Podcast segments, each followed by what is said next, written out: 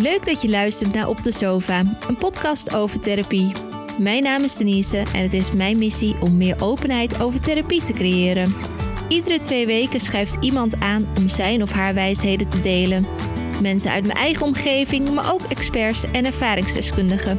Om mezelf, maar ook jou te informeren en inspireren.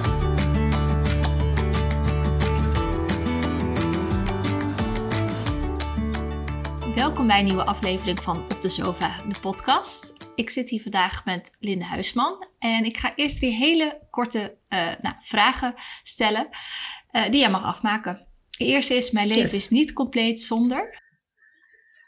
Mijn leven is niet compleet zonder. En dat vind ik een hele goede vraag. Ehm, want ik heb een heleboel in mijn leven, denk ik, eh, een soort van kwijtgeraakt. Of kwijtgeraakt wat ik niet meer heb. Geen werk en eh, veel vrienden verloren. Dus als ik dan, ja, zonder mezelf, denk ik. Mooi. Als ik mezelf niet meer heb, dan eh, wordt het Ja. lastig. En ik ben mezelf wel lang kwijt geweest. Dus ik denk, nu ik mezelf weer heb, ik denk, ja, zonder mezelf wordt het hem niet meer. Nee. Mooi. En ehm, ik ben pas echt gelukkig als. Ik ben pas echt gelukkig als. Ja, ik denk dat daar, dat daar hetzelfde weer in terugkomt. Ik ben pas echt gelukkig als ik gelukkig ben met mezelf. En als ik blij ben met wie ik ben. En ik de dagen eh, het naar mijn zin heb met mezelf.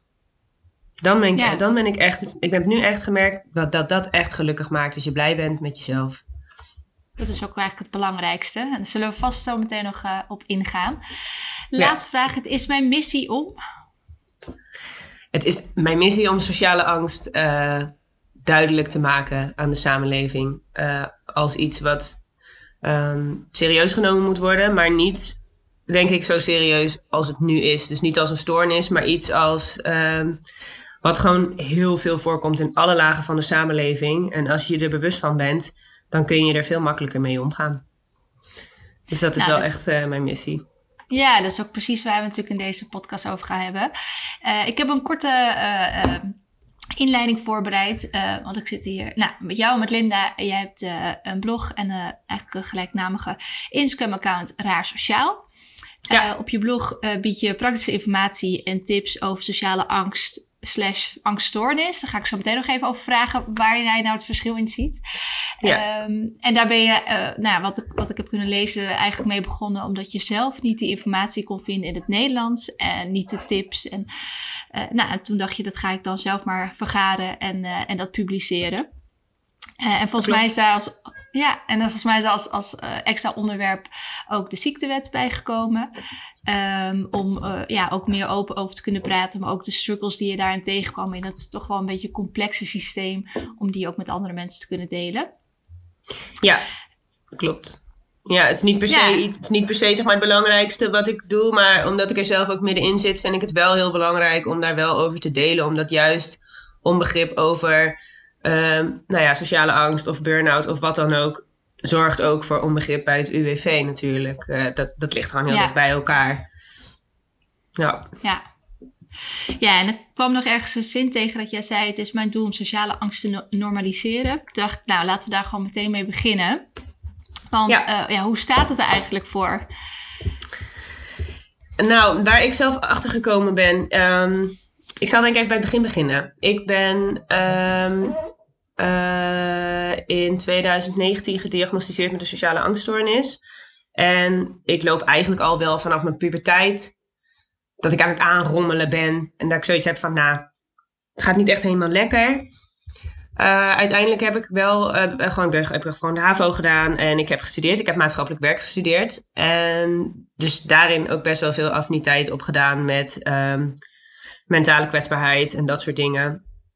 Maar de sociale angststoornis kende ik zelf helemaal niet. Dus toen ik dat te horen kreeg, was ik ook best wel een beetje verrast. Dat ik dacht, hè, hoe kan dat nou dat ik als maatschappelijk werker, eh, dat ik dit helemaal niet ken? Weet je, ik heb wel, ben wel bekend met angststoornis en andere dingen en zo, maar dit kende ik eigenlijk helemaal niet. Nee. Ehm, toen kreeg ik een lijstje mee waarvan ik echt dacht: wauw, hè, hè. Nou snap ik eindelijk een beetje hoe het zit.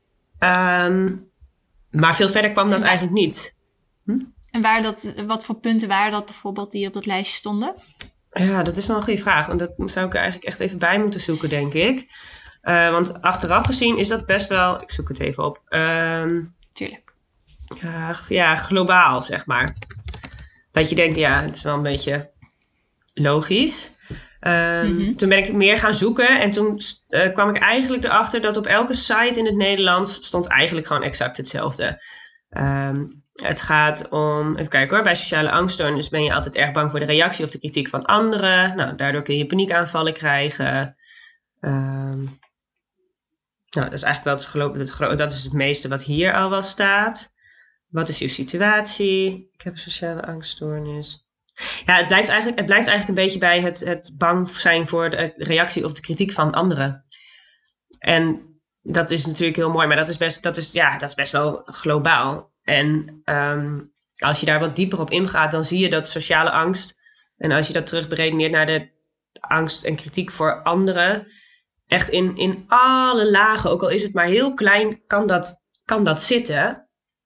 En daardoor heb ik zelf veel meer gemerkt, het is niet echt per se de angst voor de kritiek van anderen, maar het is net alsof je jezelf eigenlijk altijd net even onder de ander zet. Dus net eventjes, de ander zal vast wel gelijk hebben en ik zal het vast wel mis hebben. En als dat, als dat overal in zit, dan gaat dat zo ver dat je gaat twijfelen over welke kleren je aandoet, welk restaurant je gaat uitkiezen om met je vriendinnen te gaan eten, of, uh, uh, of je wel mee moet gaan ergens heen of niet ergens heen moet gaan, want wat zullen mensen wel niet denken? Dus het, het, het, gaat, het gaat heel, heel, heel ver. En het kan je echt, het kan je dus echt belemmeren in nou ja, je huishouden, omdat je denkt dat de hele wereld gewoon zijn huishouden kan doen. En jou lukt dat niet, dus doe je het minder dan de rest. Niet wetende dat echt de helft van Nederland waarschijnlijk ermee aankloot en er hartstikke veel last van heeft. Dat hoor je dan net niet. Dat zie je dan net niet. Nee, dus eigenlijk trek je ongeveer alles in twijfel of zo. Ja, ja eigenlijk wel. Dat kan echt wel heel ver gaan. Nou, je had het over, we het over sociale angst en je hebt echt sociale angststoornis. Zit daar nog een verschil in volgens jou? Of uh, is het maar net hoe je het beestje noemt? Ik vind zelf van wel. Er wordt ook een verschil gemaakt tussen sociale fobie en sociale angststoornis. Ze zeggen sociale angststoornis is dan zeg maar voor alles en een sociale fobie is meer specifiek. Um, waar ik heel erg achter gekomen ben, is dat deze verdeling die gemaakt wordt, die is niet voor ons. Die is gewoon voor de hulpverlening. Zodat zij wij ons een hokje kunnen plaatsen. Dus dat is denk ik een beetje het lastige. Um, wat ik zelf heel erg zie, is dat, kijk, ik ben echt uitgevallen bij mij is het tot zover gekomen dat ik gewoon niet meer kon werken. Dat ik echt niet meer. Ik, ik had er ook een depressie bij, omdat het zo lang door is gegaan. Dan spreek je denk ik echt van een sociale angststoornis. Um, als het je dus echt zo op die manier belemmert. Maar ik denk dat heel veel mensen op veel verschillende vlakken een beetje hebben, zeg maar. En als je dat ook dan al een angststoornis zou noemen, ja, dat, dat klopt dan denk ik niet. Ik zie het vaak een beetje meer, zeg maar, als iets als bijvoorbeeld HSP, als hoogsensitiviteit. Zo, zo kijk ik er meer een beetje naar. Dus dat ook in die zin uh, iedereen er wel een beetje last van kan hebben, maar je dan niet meteen, zeg maar. Uh, want er zijn natuurlijk wel meer mensen die zichzelf, uh, bijvoorbeeld met de, dat de HSP, van ik voel me een beetje alsof je gevoeliger bent. Maar uh, als je echt HSP hebt, dan is het echt wel een ander level, zeg maar. Ja, ja, ik denk wel. Ja, ik, maar ik denk dat met, met hoogsensitiviteit is het ook wel een beetje. Dat daar herkennen ook wel meerdere mensen zich inderdaad wel, wel in. Um, je, je komt er gewoon steeds meer achter dat je hebt gewoon een heel groot spectrum.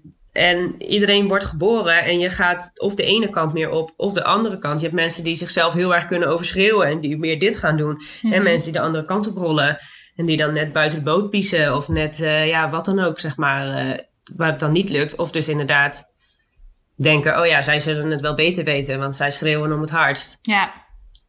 Terwijl juist onder die mensen waar er zoveel geschreeuwd wordt en waar er zo stoer gedaan wordt, zoveel meer angst zit dan dat eigenlijk bij de mensen die dichter bij zichzelf uh, zijn. Ik denk juist doordat ik dit heb meegekregen, heb ik bij heel veel mensen hun eigen angst gezien waar ze tegenaan lopen. Ja.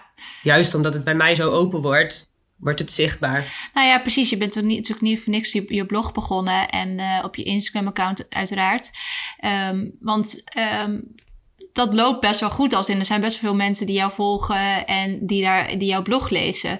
Dus er, ja, er is blijkbaar ook wel echt behoefte aan toch wat meer kennis in het Nederlands daarover. Ja, en toen ging er even iets fout. We moesten even overstappen op een ander programma, vandaar deze hap in de aflevering. Maar luister snel verder, want hij gaat gewoon door. Nou, misschien is het wel leuk als, je, als jij wat meer vertelt ook over, over hoe dat verder is gegaan. Eigenlijk vanaf het moment dat je uh, nou ja, toch erachter kwam dat je, dat je een sociale angststoornis had. Ja. Uh, en hoe dat, hoe dat verder is gelopen voor jou. Ja, um, nou ja, zoals ik zei inderdaad, um, was ik best wel verbaasd over sociale angst, omdat ik het dus niet kende. En dat voelde ergens ook wel een beetje raar naar mezelf, dat ik dat niet kende. Mm -hmm. een soort van, nou ja, falen is denk ik niet het goede woord. Maar ik heb wel altijd gedacht dat als iemand het zou moeten weten, dat ik het wel had kunnen weten. Omdat ik er natuurlijk ook zeg, van, voor geleerd had. Ja. Um, en nu begrijp ik beter waarom ik dat dus niet wist. Um, ik ben toen gediagnosticeerd met een sociale angststoornis en een um, depressieve stemmingstoornis noemen ze dat. Nou, een depressieve stemmingstoornis is eigenlijk gewoon dat je je gewoon bij tijd en wijle gewoon even heel kut voelt. en niet mm-hmm. helemaal duidelijk waarom. En dat is op zich heel logisch als je dus jaren op je tenen loopt. En de hele tijd zit van, oh, ik ga net mijn kopje boven water. Maar ja, op een duur raak je dan depressief. Want dan ben je gewoon helemaal uitgeblust. Ik was echt helemaal... Ja daarom dachten ze eerst ook dat ik een burn-out had. En dat was allemaal vrij snel duidelijk. Dat staat dus van, nou, dat is het niet. Het is geen burn-out. Maar ik was wel echt opgebrand toen ik net uitviel. Het was echt, ja. Ik was wel echt helemaal, uh, helemaal kapot. Um, en toen ik begon met mijn therapie, bij de intake kreeg ik eigenlijk al te horen van... Uh, nou, je hoeft je geen zorgen te maken, want een sociale angststoornis is gewoon heel goed op te lossen. Dus, uh, dus ik dacht, yes, oh, weet je, fijn. Super fijn ja. natuurlijk. Nou, en dan begin je met therapie. Ik heb gewoon cognitieve gedragstherapie gehad. Um, ja, uurtje praten, laten we het maar zo uh, gewoon noemen. En dat was best wel fijn. Maar ik merkte wel dat eigenlijk elke keer als ik daar weer vandaan kwam, dan liep ik wel tegen dezelfde dingen weer aan. Die angst, die kwam gewoon. Dus als ik uh, mijn boodschappen wilde doen, dan zat ik nog steeds in die angst. En dan wist mm-hmm. ik wel waarom dat kwam. Maar ik wist niet wat ik moest doen. En ik merkte dat ik gewoon die handvaten van haar eigenlijk ook niet kreeg. En die bleef ik eigenlijk ook niet krijgen totdat ze op een duur zo dacht, ja, volgens mij zijn we wel klaar. En toen heb ik ook eerlijk tegen haar gezegd, ja, dat denk ik ook. Ik zeg maar, ik zit op 85% en ik ben er nog niet. Dus nee. ik mis gewoon echt iets. toen zei ze ook, ja, dat, dat kan ik jou niet geven. Um, en dat zijn echt gewoon die, die praktische dingen uh, van hoe je dus echt met je angst omgaat. Wat angst ook is en dat soort dingen. Ja, daar vond ik gewoon heel weinig over in het Nederlands. En toen ik daarover ben gaan zoeken, vooral echt op social anxiety, toen kwam ik op Amerikaanse sites, uh, op Engelse sites, uh, op Canadese sites. Ook echt mooie overheidssites met allerlei informatie en weet ik veel. Dat echt, nou, er ging echt een wereld voor me open. Mm-hmm. Met allerlei artikelen met lijstjes en weet ik veel wat. En allerlei therapieën en zo. Um, dus het blijkt dat er gewoon voor sociale angst ook een hele nieuwe laag aan het ontstaan is van mensen die daar um, zelf mee bezig zijn. Ja. Um, en daar was ik al een beetje. Hm? Sorry. Ja, ik wil zeggen, weet je eigenlijk waarom er in Nederland niet zoveel over bekend is? Nee, ik, nou ja, ik weet het niet 100% zeker. Ik heb er wel een beeld bij. Um, mm-hmm. Wij hebben natuurlijk uh, in Europa, in ieder geval bij ons in Nederland kennen we de verzorgingsstaat. Dus wij betalen voor onze zorg. Dat betekent dat wij onze zorg ook krijgen. Ja. Dat lijkt heel mooi, maar dat betekent dus ook dat er maar een bepaald budget is waar, uh, uh, waarmee die zorg bedacht moet worden. Dat de overheid een dikke vinger in de pap heeft. Ik heb zes maanden moeten wachten voordat ik cognitief gedragstherapie krijg. Omdat Mark Rutte heeft gezegd, we moeten niet meer psychotherapeuten hier in Nederland. Want psychotherapie is niet voor iedereen. Dat is maar voor een bepaald aantal mensen. Ja. Nou, bedankt hè Mark. En dat is natuurlijk, het is heel mooi dat je gratis hulp krijgt in Nederland. Dat is echt super mooi, absoluut. Ja. Maar de gezondheidszorg loopt gewoon 30 jaar achter. Want de problemen waar ik tegenaan loop, daar lopen ze al jaren tegenaan.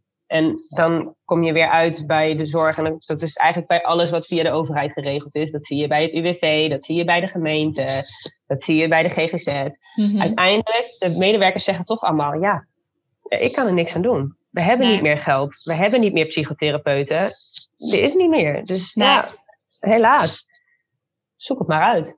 Ja, ja, en ik had hier uh, een paar weken geleden ook een mooi gesprek mee, uh, over met een uh, klinisch psycholoog. En die, uh, nou, het is natuurlijk wel net op een iets ander, ander vlak, maar die zegt eigenlijk ook binnen een hele.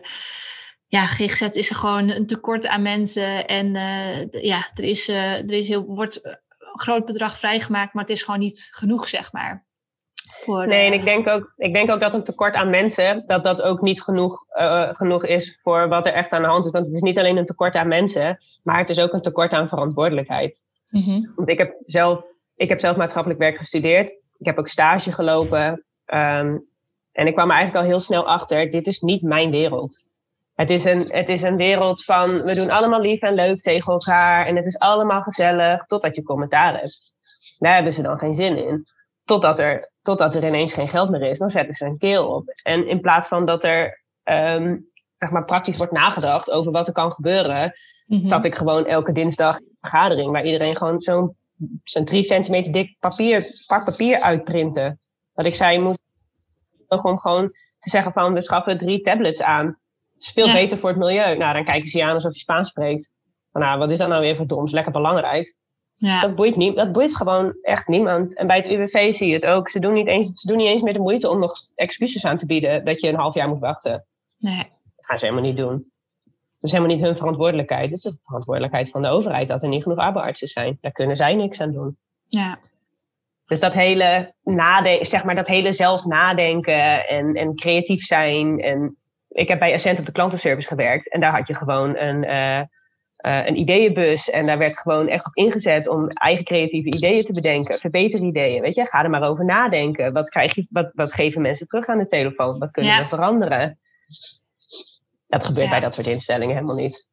Nee, het zijn een beetje plekken die aan het verstoffen zijn. En uh, wachten een keer dat er een keer de hele bezem doorheen gehaald wordt. En uh, een nieuw systeem wordt. Uh, ja. ja, het is echt inderdaad dat er gewoon gewacht wordt. Van, nou ja, volgens mij als mensen op de 48 zijn, hebben ze zoiets van, nou ja, ik ga mijn pensioen gewoon lekker uitzitten. Dan gebeurt er helemaal niks meer. Ja. Dus ja, het is wel heel eerlijk. Het is een vrij trieste bedoeling eigenlijk in Nederland. Helemaal als je nu ziet dat er dus uh, eh, 4 miljoen Nederlanders op de wachtlijst staan om een burn-out te krijgen. Dan gaan we een heel groot probleem krijgen in de aankomende periode. Ja, ja dat klopt. Hey, en het, jij gaf aan, uh, nou, ik zat op 85% voor mijn gevoel en toen uh, werd eigenlijk de therapie uh, beëindigd. Wat, wat, wat ging je toen doen? Heb je toen nog ergens anders hulp gezocht of ben je doorverwezen? Of... Ja, nou, van haar had ik zelf niet zoveel. Zij gaf aan mij aan van dat ik wel een lesje mindfulness kon gaan doen. En uh, toen dacht ik, ja, lief schat, volgens mij heb jij geen idee wat ik allemaal al gelezen heb. Want ik wist ondertussen al van alles over mindfulness en meditatie en ademhalingsoefeningen. Wat belangrijk was, en had ik natuurlijk allemaal al van internet afgehaald. Ja. Um, dus ik had ook wel aan haar aangegeven van, ik wil gewoon, ik heb gewoon iets anders nodig. Ik heb het ook wel met mijn ouders daarover gehad. En uh, via Instagram was ik al in aanraking gekomen met Cheyenne van mm Levensgroei. Uh, zij is coach. Um, ja, is een stresscoach. Volgens mij burn-out stress, stresscoach noemt ze het. Maar ja, het is natuurlijk gewoon eigenlijk voor iedereen waar haar programma mooi op aansluit. Mm -hmm. um, en toen heb ik in overleg met mijn ouders heb ik ervoor gekozen om dat te gaan doen.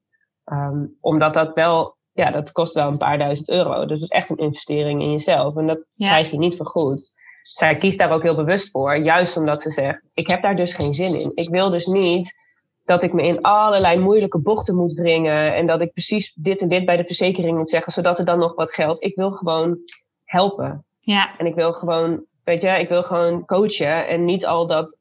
En natuurlijk is het veel geld, maar het is echt een investering in jezelf. Dus het is meer een beetje, zeg maar, als je rijbewijs halen. En dat heeft me wel heel erg aangesproken. Nou heb ik natuurlijk wel het geluk dat ik het geld heb kunnen lenen.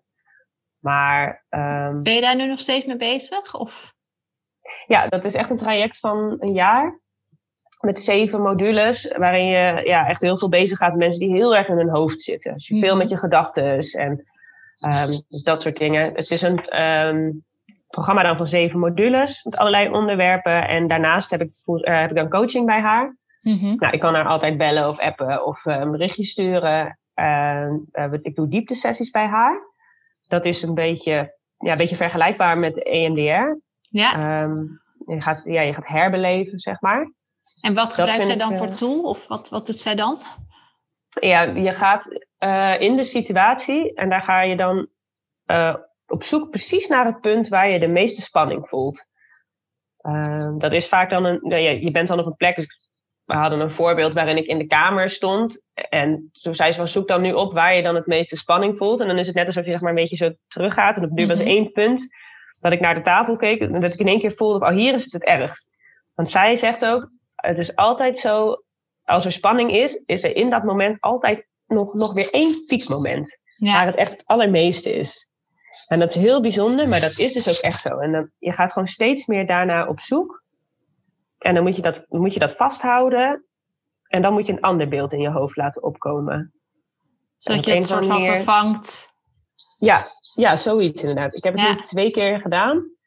Ehm, het is wel even een beetje wennen hoe dat dan eh, hoe dat werkt. En je krijgt ook wel een soort, eh, een soort oefeningen mee naar huis. Je moet altijd een paar dagen van tevoren moet je.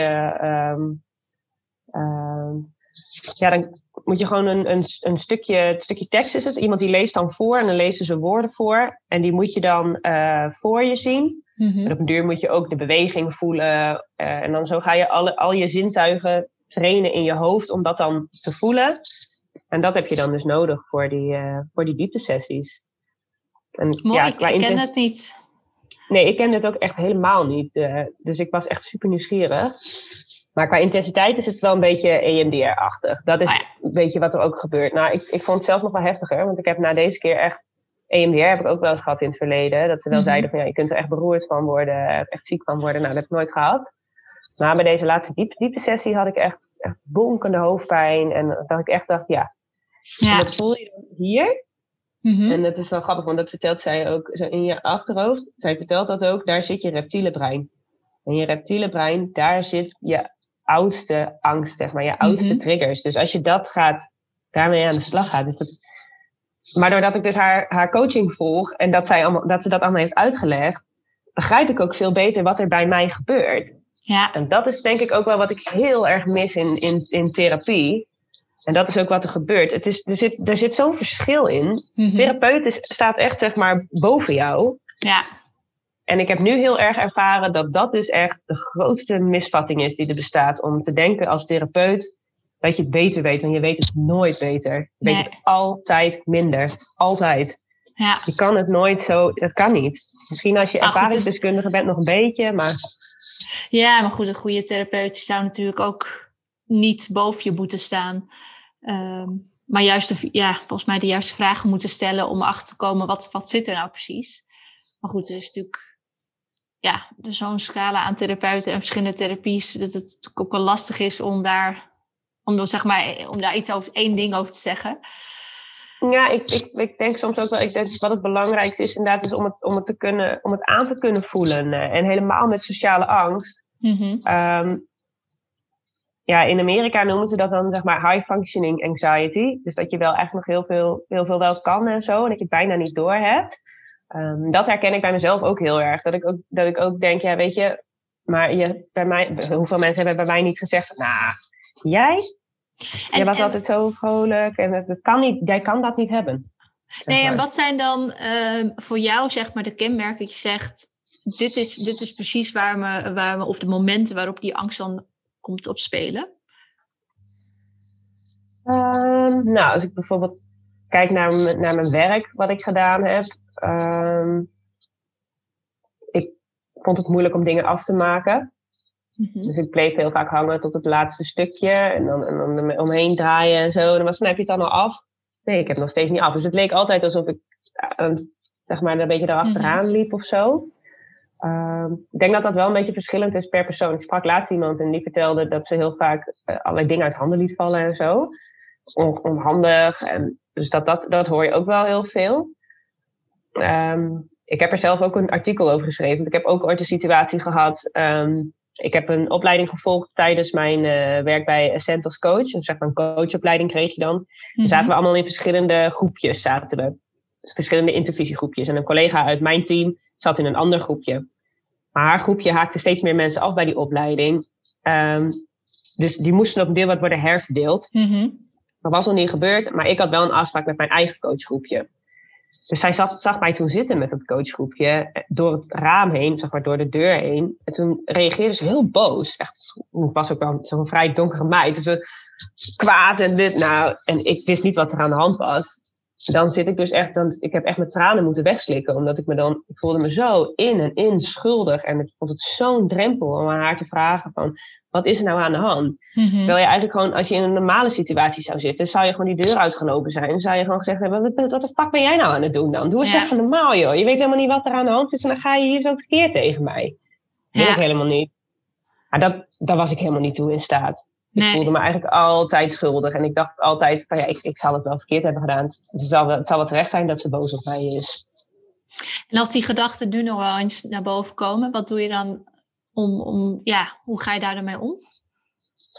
Nou, ik, wat ik sowieso wel, en dat klinkt misschien wel een beetje hard, maar ik heb ook heel veel afstand genomen van mensen die zo doen. Mhm. Mensen die dus, ehm, want onzekerheid komt er op heel veel verschillende manieren uit. En er zijn ook heel veel mensen die uit onzekerheid een ander naar beneden halen. Ik ben zeg maar die ander. Ja, En dus wat er gebeurt, helemaal als je het hebt over de wet van aantrekking. Ik heb jarenlang mensen aangetrokken die zeg maar op mij konden leunen. ja, Ik werd dan een beetje belachelijk gemaakt, zodat de ander dan zeg maar, eh, staan. haha, Linda, weet je wel, ja, ik was altijd, ik, Linda zei altijd wel ja, en Linda was altijd, ik was altijd pispaaltje. Hm. En eh, waar komt dit, ehm, nou, dit, dit- weet je waar dit vandaan komt? Of überhaupt waar eigenlijk sociale angststoornis vandaan komt? Is er iets, eh, is, het, is het sowieso terug te leiden uit je jeugd? Of is het iets erfelijks? Of, Ja, het is, ehm, sociale angst is ook wel deels erfelijk. Ik weet dat het bij mij ook wel, angst komt wel bij mijn, bij mijn familie vandaan, mentale kwetsbaarheid ook wel. Mhm. Ehm, wat ik weet vanuit, eh, volgens mij is dat Canadese informatie, is dat vaak met angststoornissen, en vaak angst eh, creëert vaak in de, tussen het vierde en het achtste levensjaar. Mhm. Ehm, en ik heb in mijn vierde tot achtste levensjaar heb ik in Arnhem gewoond. Wij komen uit Zwolle, we hebben vier jaar in een andere stad gewoond. En daar hebben we eigenlijk nooit echt kunnen aarden. We hebben er nooit echt lekker tussen gepast. Ik paste in de klas ook, ik had ook niet echt vriendjes en vriendinnetjes. Dus ik speelde altijd met een meisje bij mij uit de buurt, die Mhm. wel bij mij op school zat, maar die was twee jaar ouder. Dus dan mocht ik wel meedoen, maar wel op hun voorwaarden, weet je. Dus ik heb Ja. altijd, ehm, nou dit vind ik dus iets wel heel heftigs. Ik Mhm. heb zeg maar heel lang altijd gedacht dat er een heleboel voorwaarden waren voordat ik überhaupt mee mocht doen. Mhm. En dat, is, dat gaat zo in je brein zitten, dat dat overal, overal in doorvoert. En al die jaren is dat dan, ja, is dat steeds teruggekomen. Ik heb ook een heel lange relatie gehad met een jongen die gewoon, wat vanaf het begin af aan eigenlijk al gedoemd was om te mislukken. Omdat ik gewoon, ja, dacht dat het niet beter was dan dat, zeg maar. Weet Mhm. je wel? Dat het gewoon, Jezelf Ehm. onderschikt of zo. On- ja. Ja, ja, elke keer. Ja, en dat vind ik wel. Dat vind ik denk ik ook wel het lastige. Daar ben ik eigenlijk nu pas achter gekomen met Cheyenne. Mhm. Omdat we nu aan het inzoomen zijn op het verleden. Dat doen ze dus niet met cognitieve gedragstherapie. Dat doen ze heel bewust niet. Maar ik zou niet weten waarom ze dat niet doen. Want ik merk echt dat dat bij mij. Dus, er zit dus bij mij heel veel pijn. ja, En nu zit Ja. ik al dik twee jaar thuis. En nou. Nu ben ik daar pas mee eh, aan de slag. Dus dat is, ja, dat is wel heftig. Maar als er. als- ja, dat heb ik wel geleerd. Dat het wel echt dat stukje is van mijn vierde tot mijn achtste levensjaar. eh, Dat ja, daar precies heel veel. Dat, ja, daar ben ik eigenlijk buitengesloten geweest. ja. Ja, en dat wat je zegt, hè, die, die eerste, nou volgens mij wat je zegt, de, de eerste zeven acht jaar zijn echt, eh, nou ja, de, daar, daar maak je bepaalde dingen die voor altijd eh, in je hoofd zeg maar blijven. En het is heel moeilijk om bepaalde patronen aan te doorbreken. Dus ja, het is, het is Ja. alleen maar volgens mij heel goed dat je nou, nu de tijd voor neemt om daar wel eh, eh, iets mee, om, ja, om eh, anders mee om te kunnen gaan. Dus, Ja. ehm, Nou ja, het, het moest ook wel. Ik, kon echt- ik kon niet meer anders. Dus wat dat betreft. En dat merk ik nu ook wel. Aan de ene kant duurt het heel erg lang. mhm. Ehm, maar dat komt ook omdat ik zoiets heb. Ik wil het nu ook gewoon helemaal grondig aanpakken. Want als ik nu na deze therapie toch maar gewoon dacht, van, nou, dan, dan is dit het. ja, Dan was ik weer uitgevallen. Want ik ben uiteindelijk al vanaf april 2017 aan het aanklooien eigenlijk. Toen is mijn Ja. contract niet verlengd bij mijn oude werk. Toen heb ik een zomer thuis gezeten. Heb ik weer eventjes gewerkt. Nou, toen ben ik dus uitgevallen. Dus dat het is al veel langer dan echt de ziektewet, zeg maar. Dat je ook denkt, ja, nu is het ook genoeg. Er moet nu echt, echt wat veranderen. Ja. ja, en denk je ook dat dit iets wat je eigenlijk waar je misschien je hele leven ja, toch wel aan moet blijven werken? Ja, ik denk het in zekere zin wel. Ik denk dat het wel gewoon helemaal redelijk beheersbaar wordt ook wel. dat die pieken zeg maar niet meer zo, mhm. daar ben ik, ben ik, nu wel echt, echt mee bezig. Maar ik denk dat het wel echt een soort karakter iets ook wel is. Dat dat wel je, je valkuil is. Ja. Dat je daar weer in, dat je denkt, oh ja, oh ja, ik mag mezelf wel weer op nummer 1 zetten. Ik mag wel weer gewoon, ja. ja. Ik denk wel dat het iets is waar je altijd, uh... maar ik denk wel dat het, ik denk dat dat misschien ook als je, dat hoor je ook bij mensen die een burn-out hebben gehad, hè, dat ze dan zeggen, je, je wordt nooit meer, je wordt nooit meer hetzelfde als toen. Nee. Nee, en dat is ook logisch, want je hebt ook ergens gewoon echt wel even een, ja, gewoon een beetje een klap gehad. En daar, daar moet je van herstellen. Maar ja, dat litteken blijft zeg maar voor altijd zitten. Dus dat, ja. Ja, hey, ja maar het is, oh, het, is, het is denk ik ook wel, um, wat je ook wel ziet, is dat je natuurlijk ook, ik heb ook jarenlang dingen, zeg maar, ja, zeg even tussen aanhalingstekens, verkeerd gedaan, zeg maar. Dat ik nu denk, ja, het is ook logisch dat als ik het zo gedaan heb, dat ik mezelf op een deur gewoon die, die, die burn-out wat mhm. ingewerkt uh, heb. Weet je wel, alle ballen omhoog willen houden, niet kwetsbaar willen zijn, gewoon doorgaan, doorgaan, doorgaan. Uh, ja. Feesten, uh, weet je, lekker je kop in het zand steken. Ja, ah, dat, dat, dat kan ik nu ook niet meer doen. Als ik dat weer ga doen, ja, dan, dan zal het weer misgaan. Maar dat, dat, dat kan ik ook niet meer, want ik heb nu zoveel geleerd ondertussen. Ja, je staat er nu heel anders in. en als je kijkt naar af, afgelopen jaar, was natuurlijk best wel een gek jaar met, met corona en zo. Heeft dat voor jou nog invloed gehad op, uh, nou, op je proces? Of, of misschien wel uh, heb je wat gemerkt op je blog dat veel meer mensen juist uh, nou, toch de informatie zochten of er ook meer open over gingen praten?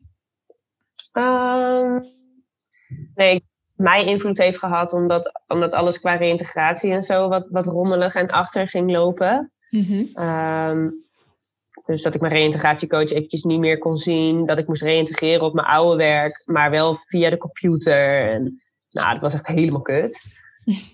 Ja, ik kan er eigenlijk niet heel veel anders over zeggen uh, dan dat dat gewoon... Uh, maar ja, dat was echt net precies die beginperiode dat iedereen zoiets had van... Ja, weet je, hoe lang gaat dit duren? Weken, maanden, we weten het niet, weet je wel. Dus niemand die had gezegd van, joh, ga er maar even lekker voor zitten, want het duurt nog wel anderhalf jaar. Dus ja, dat was best wel gek.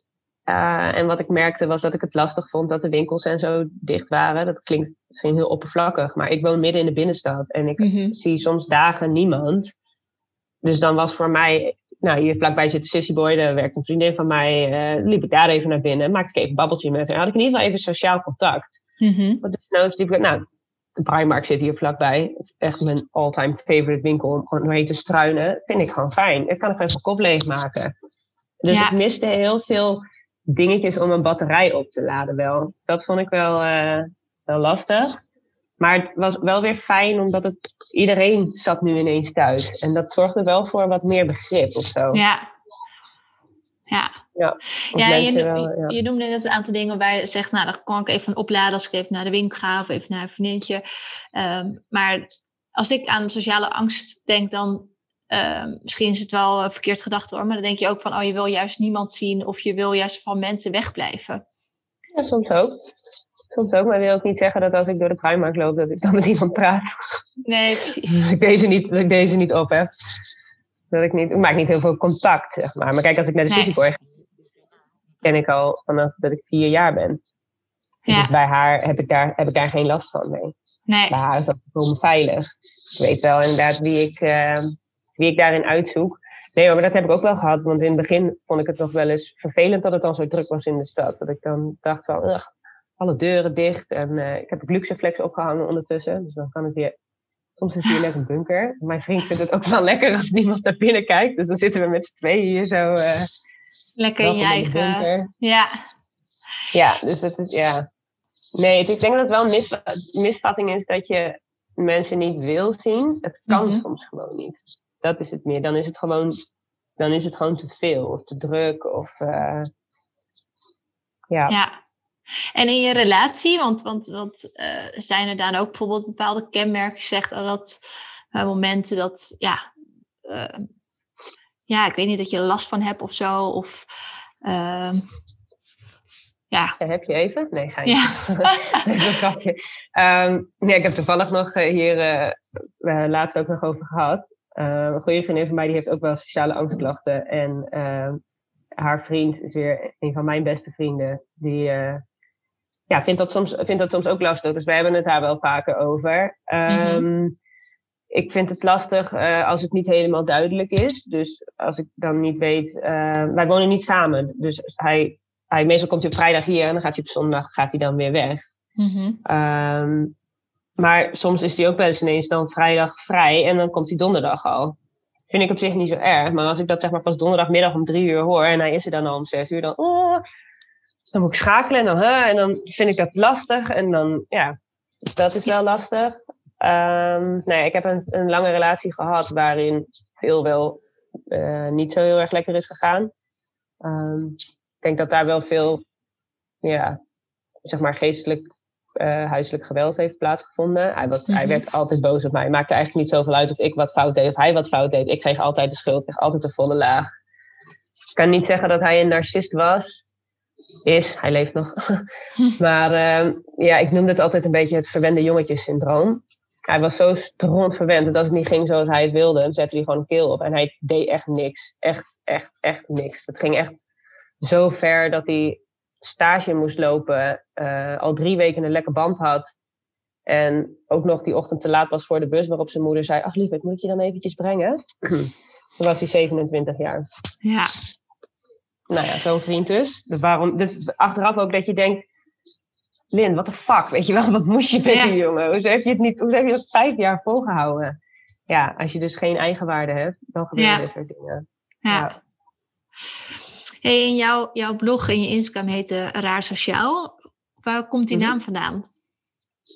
Nou ja, ehm, ik denk inderdaad als je het vooral hebt over angststoornis of angst. Um, daarom heb ik een, eigenlijk een andere naam, zeg maar, bedacht.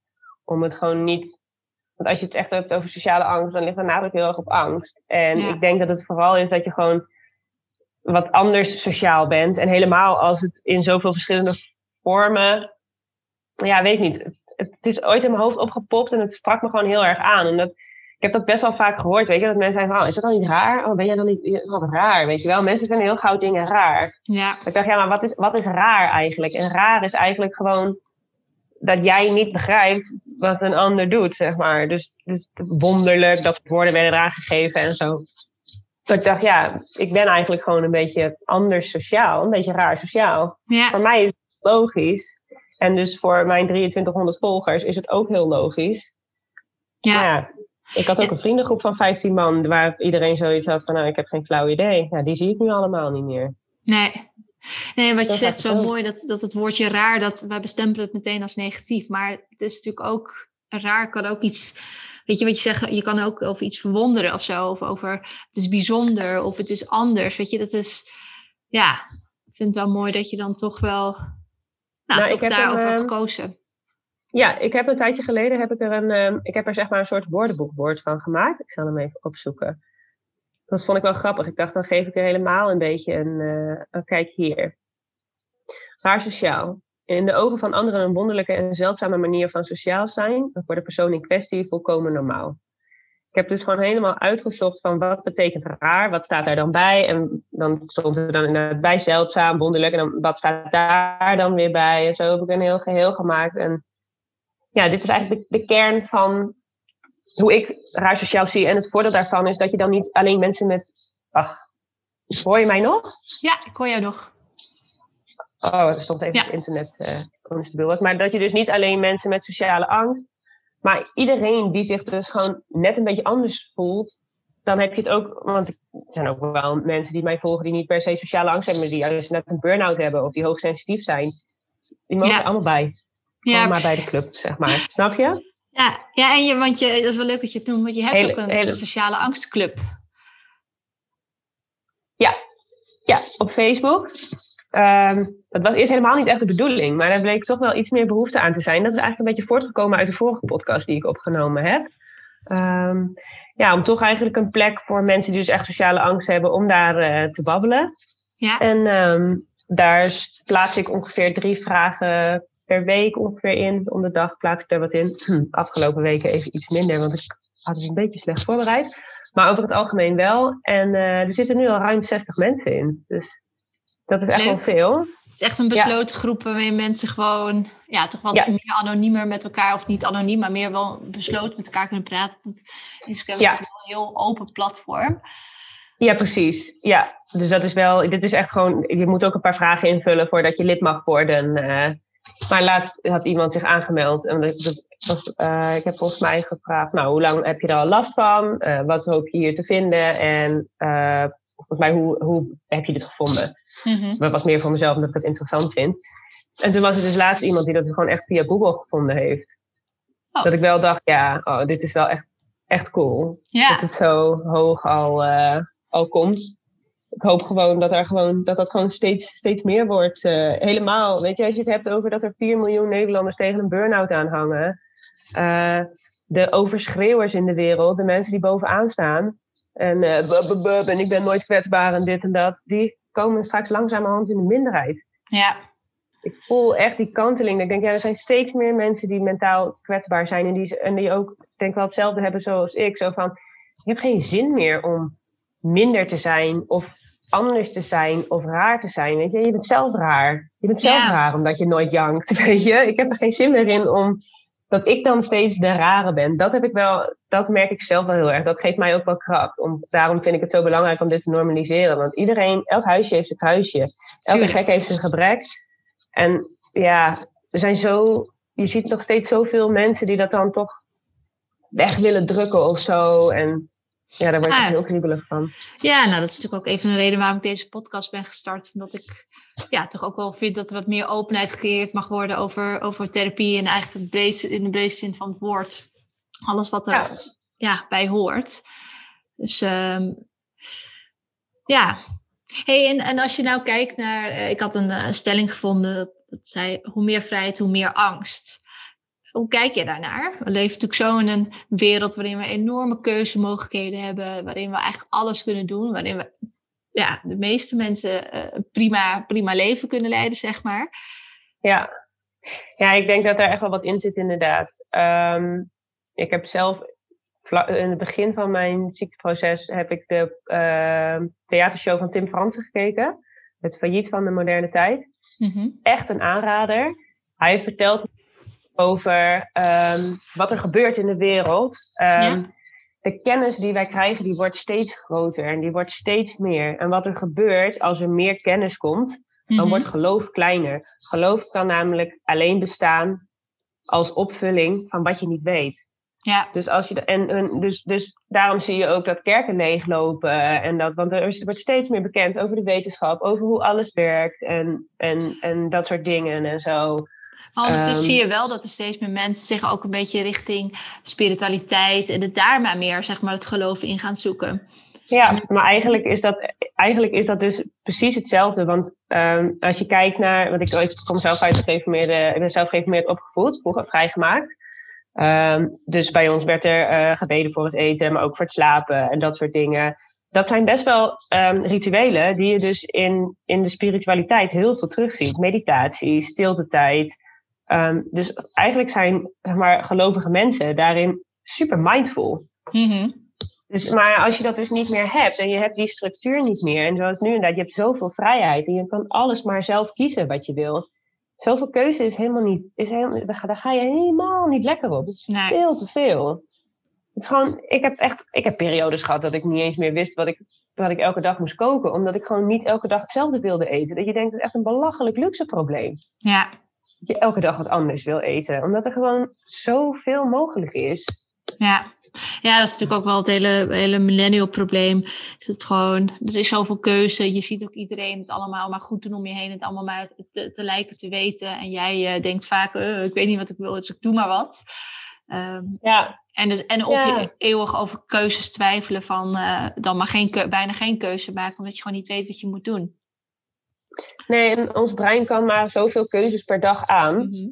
En uh, het eerste wat we ochtends doen is dit: telefoon. En dan begin je al met keuzes maken. Dan moet je dus eerst alweer de keuze maken om hem weg te leggen, om onder de douche te gaan, om uit je bed te gaan. Ehm, dan moet je nog uitkiezen wat je aan gaat trekken, wat je gaat eten. Wat je... Dus voordat je goed en wel op je werk bent, heb je al zoveel keuzes gemaakt. Dat je brein eigenlijk zegt, nou, joh, ben eigenlijk wel klaar.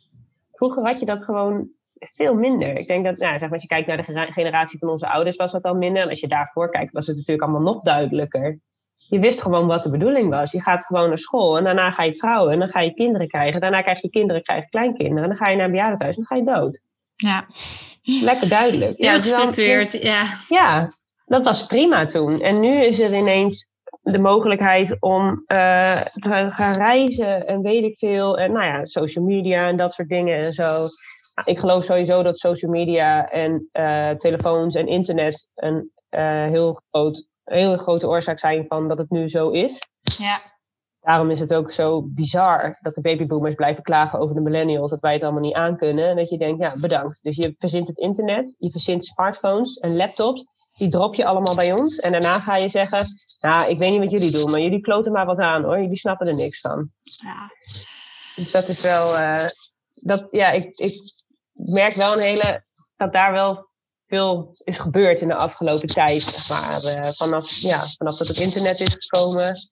Ik denk ook vanaf dat het internet is gekomen dat sociale angst ook erger is geworden. Ja. Dat denk ik wel. Ja. Ik denk dat het ook wel met elkaar te maken heeft hoor.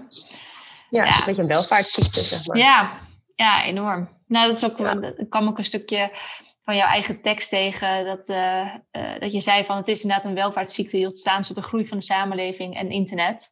Dus hoe meer mensen leren en weten, hoe meer er ook is om bang voor te zijn. En we komen dus ook steeds maar achter dat social media ook echt wel uh, iets negatiefs met zichzelf meebrengt. Dus ja, maar het is, ja. Dat, heeft, dat heeft ook wel weer te maken met een stukje zelf nadenken, zeg maar. Weet je wel, want daar zijn we er allemaal over gevallen dat iedereen de druk voelt om maar uh, naar, naar, naar Bali te gaan en daar te zijn geweest en dit te hebben gedaan en zus en zo. En dat niemand zich eigenlijk heeft gerealiseerd van ja, maar dat is toch eigenlijk ook logisch. Want als je je, in je, als je, je fotoalbum gaat beplakken, dan plak je daar ook niet de foto's in waar je met je vinger voor staat. Dan plak je ook de mooiste foto's plak je erin. En dan plak je ook je vakantiefoto's erin en niet die random foto uh, terwijl je net vijf kilo te zwaar bent en je achter in de tuin zit. Uh. Ja. Weet je? Dus dat is eigenlijk, eigenlijk is dat heel logisch. En natuurlijk is het mooi om, om eerlijkheid te laten zien op social media. Maar ja, weet je, is dat, is dat realistisch? Als ik kijk naar mijn privé-account op Instagram, dan is dat gewoon een soort fotoboekje met herinneringen. Ja. Ja, ja zo zie ik dat ook. En als iemand daar dan last van heeft en daar de druk van voelt dat je naar allerlei landen moet, ja, dan is het dus wel goed. En ik, alsof, het is net alsof we dat een soort van verleerd waren of zo. Mm -hmm. Even vergeten waren dat we nog zelf moesten nadenken. Ja, dat is wat je ook aan het begin zei, dat mensen het toch moeilijk vinden om hun eigen verantwoordelijkheid te nemen. Maar ook voor Ja. dit soort dingen. Ja. Ja, want wat gebeurt er dan? Dan wordt er dus geklaagd over al die meiden die in hun blote kont op Instagram staan. Ja, dat ligt niet aan die meiden, dan moet je gewoon lekker gaan Ja. ontvolgen. Ja, ja. ja. maar dat is ook zo. aan iemand. En, maar ja, dat durfden we dus ook niet meer. En als je het dan hebt over sociale angst, dan durf je Ja. niet iemand te ontvolgen. Want wat nou als iemand zegt, nou, volg je mij helemaal niet meer? Ja, Krijg je dat weer? ja. Nee, en als je, zijn er nog hele praktische tips die je kan meegeven of die je misschien wel op je blog deelt, die je hier ook in wilt delen? Gewoon voor mensen die, die inderdaad last hebben van sociale angst. Eh, ja, ik denk dat mijn aller, allerbeste tip is: ga aan de slag met zelfliefde en eigenwaarde. Want dat is de kern van sociale angst. Als je niet van jezelf houdt en als je niet je eigen waarde meer kunt zien, nou dan, dan gaat het nooit lukken om daar tegen te vechten. Want uiteindelijk is, is dat steeds wat er terugkomt. Ja, Is het steeds dat je denkt van ja, ik verlogen mezelf nu door bang te zijn voor deze situatie. En dan heb ik het over dingen als dat je dus niet, dat je bij wijze van spreken wel de Hennis en Maurits in durft te lopen, omdat dat een knijtergrote winkel is. Maar als je voor een klein boutiqueje staat, waar de dame achter de balie al zo staat van hi, dan denk je, Ja. Ja, dus wat doe je? Je gaat niet naar dat leuke boutiqueje, omdat je niet naar binnen durft. Ja, hoeveel hou je dan van jezelf, als je jezelf dat dus ontneemt? ja. Nee, Dus dat- klopt. Ik, had, eh, ik heb een tijdje geleden een podcast eh, afgeluisterd, het heet Op Zoek. En ehm, ik ben even de naam kwijt wie ze nou geïnterviewd hadden. Ik zal hem maar even delen in de show notes. Maar dat was dus eh, ja, gewoon iemand van onze leeftijd, zeg maar, een jonge meid, die, ja, die was zo stellig. Die zei, ja, ik heb gewoon geleerd om altijd mezelf op de eerste plek te zetten. Om gewoon echt van mezelf te houden. En dat komt bij veel mensen een beetje soort van, nou, misschien een beetje, eh, ja, een beetje egoïstisch over. Maar dat is het eigenlijk niet. Want de enige die ik echt tevreden moet houden, ben ik ook zelf. En dat vond ik ook zo'n eye-opener. Ja, we doen altijd maar het is, het is bijna een soort van normaler om maar gewoon jezelf een beetje weg te schuiven en, uh, en wat extra voor de ander te doen. Terwijl eigenlijk is dat de omgekeerde wereld. Maar het is ook heel erg Nederlandse bescheidenheid dit, hè? Ja. Ah, nee, maakt niet uit. Ah, nee. Ah, heb je een leuke broek? Ah, dat is heel goedkoop. Ah, ja. ik weet niet. Dat is ook, en je merkt ook dat mensen daar ook, zeg maar, mensen flirten ook met dat gedrag. Dus mensen vinden dat ook Um, ik, heb ook wel, ik heb ook wel een paar mensen die ik ken waarvan ik denk, ja, je, je, dit, je doet het er nu ook een beetje om, weet je wel? Iemand die zei, ja, ik heb geen foto's uh, van mijn vakantie op social media gezet. Ja, mensen vragen er zelfs om, maar ik doe het niet hoor. Dat je echt denkt, ja. Wat, ben je nou aan het, wat ben je nou eigenlijk aan het zeggen, weet je wel? Geef je jezelf ja. een veer in je reet dat je zo bescheiden bent. Zet gewoon een foto van je vakantie op Instagram, ja. dat is zo moeilijk. Dat is niet zo raar, wees dit. gewoon blij en trots, zodat je, ja, dus dat is, dus dan wordt het ook een beetje mindfuck of zo. Ja. Dan wordt het iets, iets iets positiefs. Terwijl het eigenlijk dus. En dan mensen die dan zeggen van ja, ik ben vet blij met mezelf, die worden dan als arrogant en ja, uh, weet klopt. ik veel uh, gezien. Ja, dat is iets vreemds. Dat is wel, dat is dus een beetje, dat is in de loop van de jaren wel wat ontstaan of zo. Uh, en dat begint nu, begint dat dan wel weer wat. te kantelen. Ja, ja, tenminste, ja, heb ik wel het gevoel. Ik zit dan in ieder geval in de goede kring. Goede hoek, ja. Ja, ja, maar dat is wel. Want, uh, waar had ik het nou laatst gezien? De Bold Type. Heb je de serie De Bold Type gezien? Nee, ik ken de naam wel, maar nog niet gezien. Nee, gaat, nou, gaat over drie millennials zeg maar, die bij een tijdschrift werken. En daar komen ook heel veel leuke onderwerpen in voor. En een van die meiden die is ook super zelfverzekerd. En dan zegt die ene ook, How did she get so confident? Dan zegt die andere meid van, ja, haar ouders hebben haar altijd heel erg de lucht in geprezen en gezegd, gezegd dat ze helemaal fantastisch is. Vandaar, oh ja. Ja. Maar dat wordt, ja, dat, dat, wordt ook heel grappig laten zien. Dat meisje is ook gewoon altijd in haar kracht gezet. En nu heeft ze ze schaamt zich gewoon nergens voor. En als zij iets wil, dan probeert ze het gewoon. En als ze op de bek gaat, ja, dan gaat ze op de bek. Ja. Uiteindelijk wordt ze ontslagen omdat ze iets, iets, iets heel dappers doet. Maar wat niet mag, ja, nou ja. Ja. Dan raakt ze, raakt ze haar appartement en alles kwijt. Maar het maakt haar, haar eigen waarde raakt ze niet kwijt. Nee. Dus dat is nee, wel dat... tof uh, om te zien.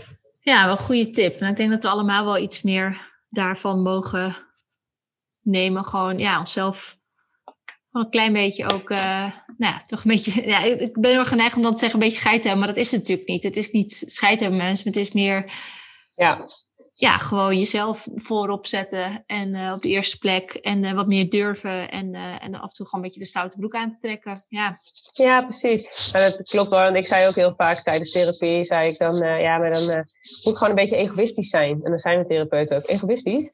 Hoezo? Wat je voor jezelf kiest? Ja. Niet egoïstisch. Oh ja, oh ja. Dus je plakt heel snel inderdaad dat soort... Maar dat is dus... Omdat dat dus iets negatiefs is en die, en die Nederlandse bescheidenheid... Klopt. Wij gaan daar gewoon heel lekker op, weet je. Eén koekje bij de koffie. We zijn gewoon gierig. Ja. Bij, bij mijn vriend thuis krijg je gewoon baf. Dikke bak met snoep en koek en weet ik veel. Geen gemekker. Als iedereen iemand mee wil eten, dan eet je gewoon mee. Maken we gewoon meer. Ja. Dus, ja. Dus dat past ook wel een beetje bij onze cultuur. Ja. Om niet te veel te pochen en niet te veel uh, dat te doen. Laat zien. Ja. ja. Ik vind dat altijd wel iets heel interessants. Uh, hoe, dat dan, hoe dat werkt, hoe we zo met elkaar dan, uh, dan omgaan. Het blijft dan een mooi proces. Ja. Nou ja, ook omdat we gewoon bij andere culturen te zien hoe, hoe zij dat doen. En om ook van elkaar te leren van, ja, het kan ook anders, zeg maar. Ja, ja. ja precies. Hey, zijn er nog dingen die jij graag uh, uh, wilt toelichten of benoemen? Of nog een tip die je wil geven? Oh, ik zit eens even te denken. Volgens mij heb ik wel een heleboel, uh, een heleboel verteld. En dat is ook wel, denk ik, mijn beste tip al wel, uh, al wel gegeven. Zelfs al mijn, mijn, mijn kijktips, denk ik. Want deze twee dingen die ik net benoemd heb, de Bold Type en die, de, en die uh, theatershow ja. van Tim Fransen. Heb ik opgeschreven, ja. Ja, die is echt. Uh, daar, heb ik echt daar heb ik echt heel veel van geleerd. Gewoon van zijn show. Juist omdat het grappig is, maar het gaf zoveel inzicht in hoe we naar elkaar kijken en hoe we met elkaar omgaan. En ja, dus dat vind ik wel dat vind ik wel heel leuk. En ik denk dat mijn beste tip is dat als je tegen sociale angstklachten aanloopt, ga verder kijken dan de reguliere hulpverlening. Ja. Ga echt verder kijken, want uh, ze laten je wachten en uiteindelijk uh, ja, heb je dus best de kans dat het niet, niet genoeg is. Want ja, er is gewoon niet genoeg bekend over sociale angst. Dus als jij al zelf er dan meer vanaf weet dan dat je therapeut weet, ja, dan hoef je er niet, eigenlijk niet aan te beginnen natuurlijk. nee. Nee, dat nee, dat klopt. En uh, daar, ik vind het ook alleen maar mooi dat er heel veel, ja, gewoon nieuwe, uh, ja, bijna stromingen en ook veel meer coaches zijn die gewoon op alle gebieden voor iedereen wat wil, zeg maar, iets, iets kan bieden. Ja, ik denk dat dat ook de nieuwe, de nieuwe wereld wordt. Dat je dus echt veel meer bijpassende hulp kan vinden bij uh, uh, problemen. Ik hoop ook dat er ook op een deur een moment komt dat uh, qua UWV en dat soort dingen, dat er een scheiding wordt gemaakt tussen lichamelijk ziek en mentaal ziek. Ja. Want dat wordt nu op één hoop gegooid en dat met die arboartsen ook, dat werkt niet. Nee, dat werkt niet op deze manier. Nee, het is, dus, dat, en volgens mij is dat voornamelijk omdat je het gewoon niet, je kan het bijna niet aantonen, zeg maar, dat, dat er, ik bedoel, als jij, als jij letterlijk je bed niet uitgekomen is, is het natuurlijk lichamelijk anders dan, ja, of als je, ja, precies. ja, als je, weet veel, als je gewoon echt lichamelijke mankementen hebt, dan, dan zien mensen dat. En uh, ja. ja, dat is veel duidelijker. En dan dat het, ja, mentale ziektes moeten dan gemeten worden in cijfertjes en zo. En dat maakt het raar en, en, en afstandelijk. En nee, dat is apart. Dat werkt niet. Uh... Nee. nee. Ben ik me eens. Um, nou, ik heb eigenlijk ook geen vraag meer, dus ik, uh, ik wil hem dan bij deze afsluiten. Yes, lijkt me Heel erg bedankt voor je tijd en uh, ja. om zo je heel open je verhaal te delen. Dankjewel, jij ook bedankt. Ik vond het erg leuk. Leuk dat je luisterde naar deze aflevering. Alle genoemde artikelen, podcast en andere media vind je terug in de show notes. Vind je dit een leuke podcast? Abonneer je en laat het mij weten door een beoordeling achter te laten. Dat helpt anderen om deze podcast ook te vinden. Heb je tips, feedback of wil je gewoon even met me kletsen? Vind mij op Instagram onder de naam @opdesofa_podcast of mail naar info@opdesofapodcast.nl. Tot snel.